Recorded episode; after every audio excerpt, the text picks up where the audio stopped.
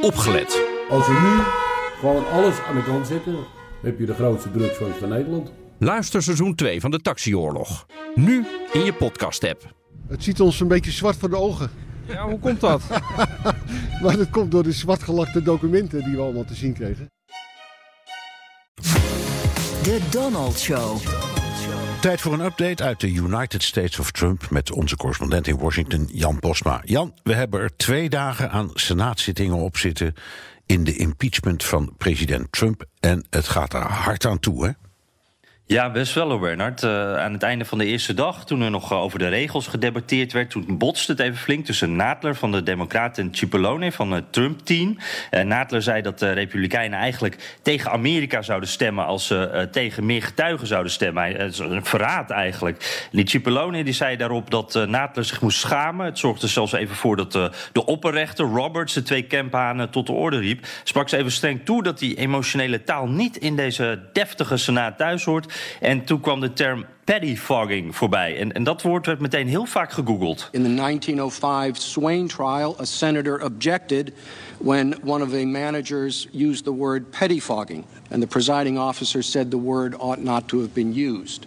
I don't think we need to aspire to that high a standard, but I do think those addressing the Senate should remember where they are.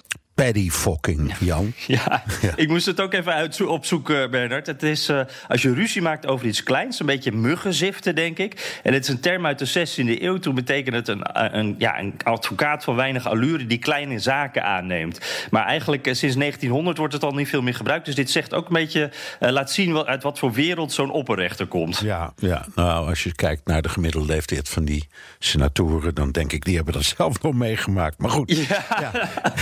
de eerste twee dagen waren meteen lang en tot diep in de nacht. En dat was te merken aan uh, ja, dat uh, gezelschap... wat toch een beetje aan een geriatrische inrichting doet denken, toch?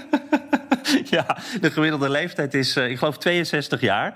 Uh, maar de oudste is uh, ruim in de, in de 80. Dus het, ja, dit is inderdaad een beetje een bejaardentehuis af en toe. En na een paar uur merkte je dat al, Bernard. Ze werden al moe en verveeld. En, en dat blijft op tv wel aardig verborgen. Want de nieuwszenders die mogen er geen camera's de zaal inbrengen. Dus je krijgt alleen de officiële feed van de Senaat te zien. En die zoomt niet in op de luisterende of soms ook slapende senatoren. Er werd echt flink gegaapt. Uh, en, en ja, je zag de verveeldheid uh, gewoon, gewoon, dat zag je gewoon. En, en dat komt natuurlijk door dat hele late beginnen. Veel spreektijd in die eerste paar dagen gepropt. En dat is echt de tactij, tactiek van de Republikeinen. Het gaat door tot diep in de nacht. Het is gewoon heel saai en dat is precies wat ze willen. Want dan is het saai, dan kijkt niemand. Nee, en ze moeten zich aan allerlei regels houden. Dat maakt het alleen maar erger, lijkt mij.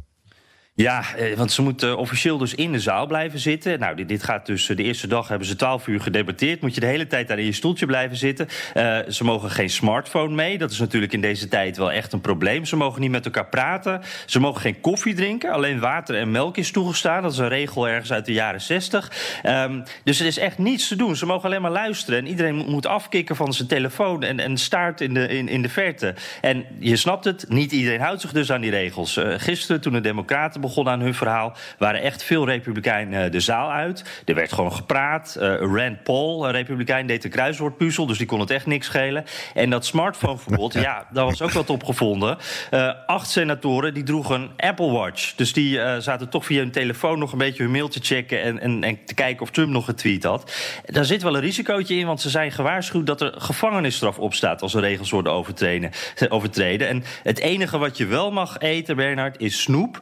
Er is een snoepla, beheerd door een republikein, Patrick Toomey. Die komt uit Pennsylvania. Daar komt ook een bekend chocolademerk vandaan. En die la is bipartisan. Dat is, dat is een van de weinige plekken waar beide partijen mogen samenkomen. Ja. Uh, maar ja, je zag ook na die eerste avond, hadden ze twaalf uur erop zitten. Toen renden die senatoren echt naar de uitgang. En als je dat allemaal zo bij elkaar optelt, is de Senaat denk ik een beetje veranderd in een middelbare school. Uh, recalcitrante pubers die de les saai vinden, veel te veel suiker binnenkrijgen en dus vooral hun telefoon missen. Ja, nou, ik kan, kan me ook niet voorstellen dat je daar. Uh dagen maakt van 12 uur per dag en niet op je telefoon kunt kijken. Dankjewel. Ja, niet meer van deze tijd. Dankjewel, Jan Posma, correspondent in Washington. Ook Hugo Reitsma vind je in de BNR-app. Superhandig die BNR-app. Je kunt alle programma's live luisteren, breaking nieuwsmeldingen. Je blijft op de hoogte van het laatste zakelijke nieuws. En je vindt er alle BNR-podcasts, waaronder natuurlijk de belangrijkste, Boeken zijn in de wijk. Download nu de gratis BNR-app en blijf scherp.